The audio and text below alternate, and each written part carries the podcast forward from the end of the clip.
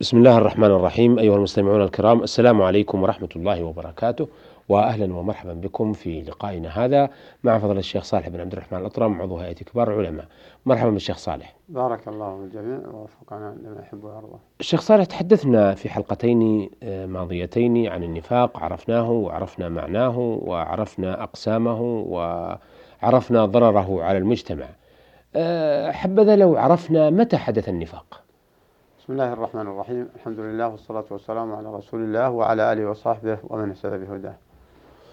آه، بلا شك أن الله بعث نبيه محمد عليه الصلاة والسلام في مكة. وكانوا آه، كفار وكفرهم صريح فأظهروا له العداء وبدأ الإسلام أفراد.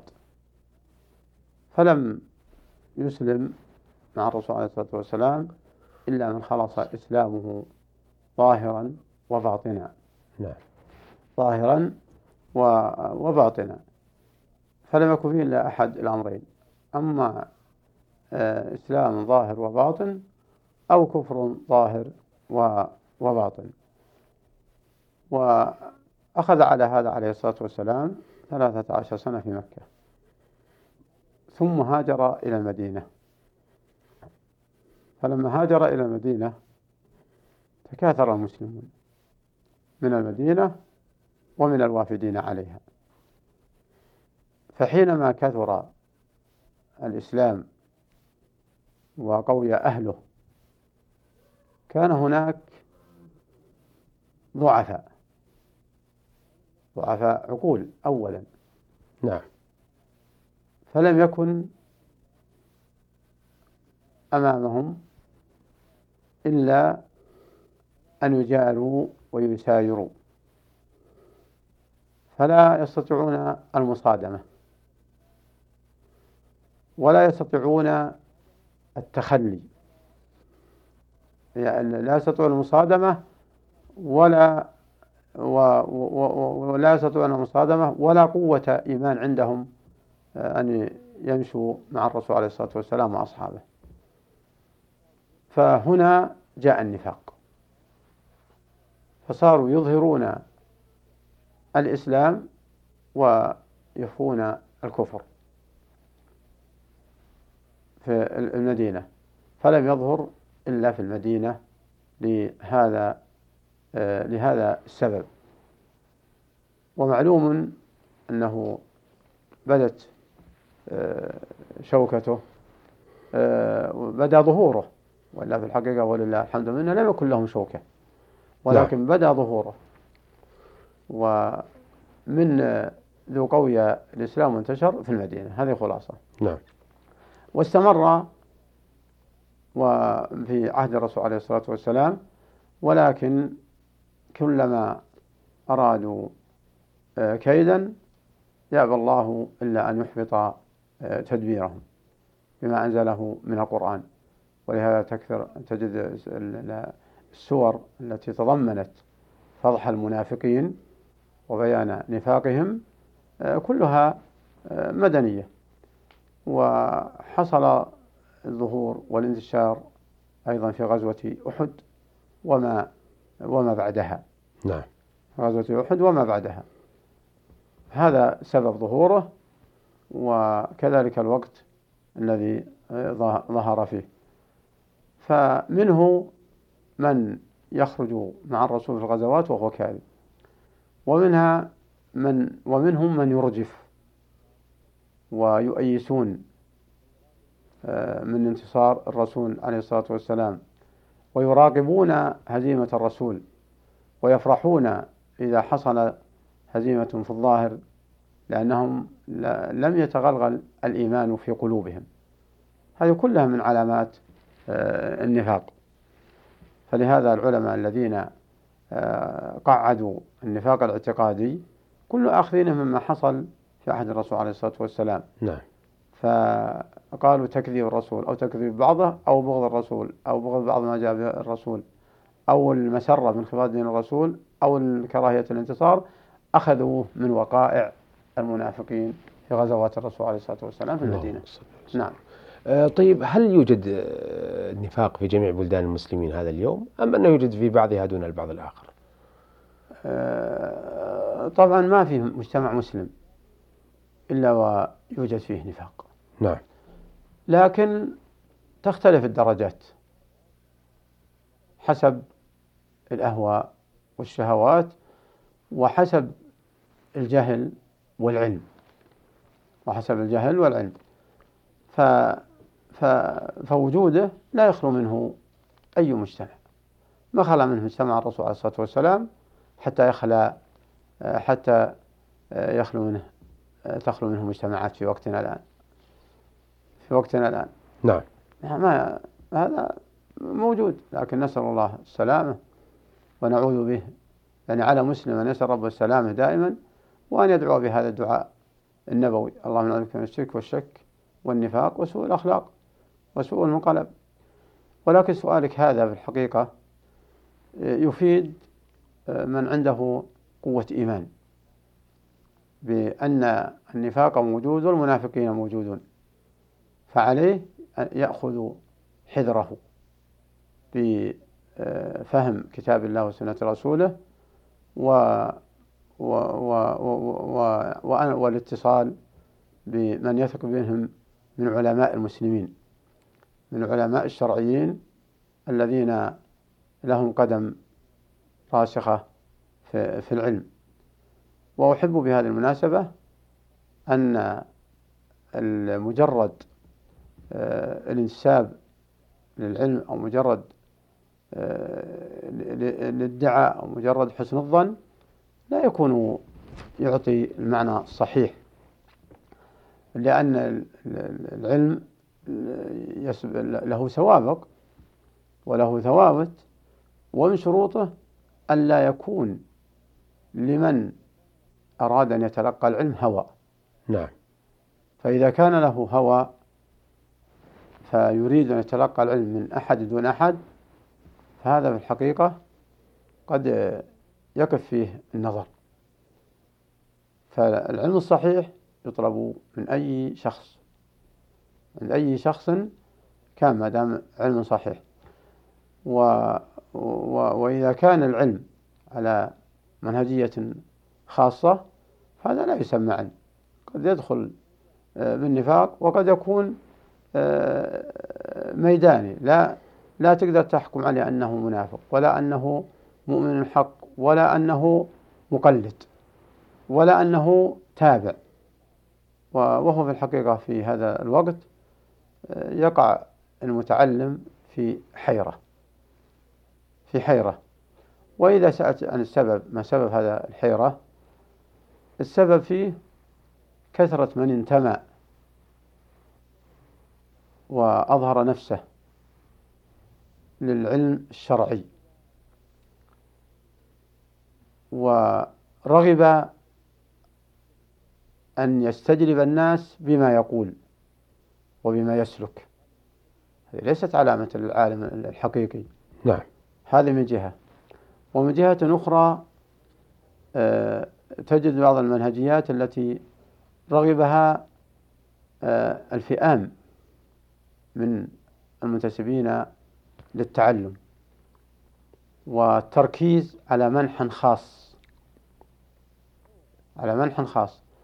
فهذا نوع من أنواع آه، النفاق.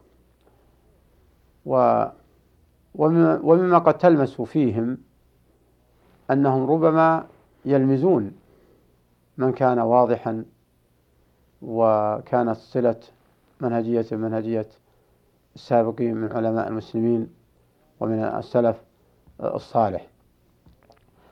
ولربما يصمونه بأوصاف غير لائقة.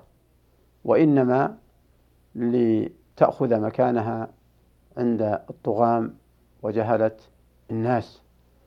فعلى من عنده آه، الإيمان أن يتقي الله وأن يتحرى الصواب وأن ينصح من جرى منه آه، نقصا حتى ولو كان في نفس عالم لكن ينصحه على وجه المحبة والرغبة ولا ينصح من به قدرة على نفع الناس على وجه الفضيحة حتى يظهر منه من نفس الشخص آه، التعصب في ما سلكه من الطرق الملتوية. فهذا لا كرامة له. نعم. نسأل الله أن يسدد خطى الجميع وأن يهدي خطى الجميع ومسلك السلف الصالح واضح. ولله الحمد والمنة. نعم. ووضح الحديث افترقت. النصارى النصارى اليهود على 71 فرقة والنصارى على 72 فرقة. وستفترق هذه الأمة على 73 فرقة. كلها في النار إلا واحدة. ف 72 كلها متسمية باسم الإسلام. لكن الفرقة الناجية من هم؟ لما سأل الرسول عنها؟ قال من كان على مثل ما أنا عليه اليوم وأصحابي. من أين نعرف ما كان عليه الرسول وأصحابه؟ إلا من القرآن. نعم. ومن أين نعرف من القرآن والسنة؟ إلا بسبب المتعلمين الذين تعلموها قبل قبلنا قبلنا. نعم. فالتعلم ليس بالأمر آه، السهل. والنفاق مثل ما سمعنا قد يصدر عن علم وقد يصدر عن جهل. نعم. نعم. آه، عرفنا من خلال الحديث في الحلقة الماضية علامات المنافقين الخمس لكن حبذا لو ضربتم لنا بعض القضايا أو الأمثلة التي حصلت في العهد النبوي لتوضيح هذه العلامات. آه، القضايا آه، كثيرة جدا. منها ما حصل في غزوة تبوك حيث جلس المنافقون وحدهم وهم في في طريق تبوك. نعم. فأخذوا يتحدثون فيما بينهم الاستهزاء بالرسول وبما جاء به الرسول عليه الصلاة والسلام ويضحكون ويقولون يدعي أنه سيقاتل بني الأصفر أو سيقاتل النصارى. وأنه سينتصر عليهم. ونسوا قدرة الله وتغافلوا عن أنه رسول الله لظهور الاستهزاء نعم.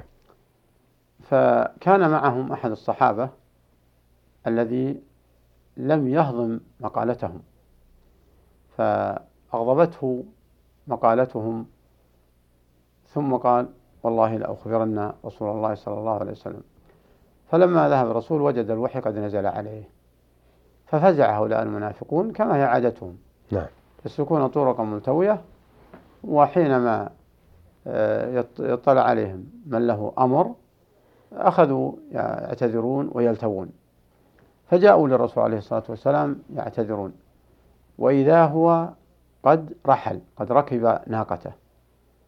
فكان كبير هؤلاء الذين استهزأوا وقالوا يعنون الرسول الصحابة ما رأينا مثل قرائنا هؤلاء أرغب بطون يعني ما نكبر منهم بطن نعم. ولا أكثب ألسنة ولا أجمل عند اللقاء. يعني كيف يلاقون بني الأصفر؟ لا يستطيعون. جبنا فيرمون الرسول عليه الصلاة والسلام آه، وأصحابه بالجبن. هذا حديثهم. نعم. فحينما جاء للرسول يعتذر آه، أخذ بنسع ناقة الرسول عليه الصلاة والسلام يعني بحبل رحله.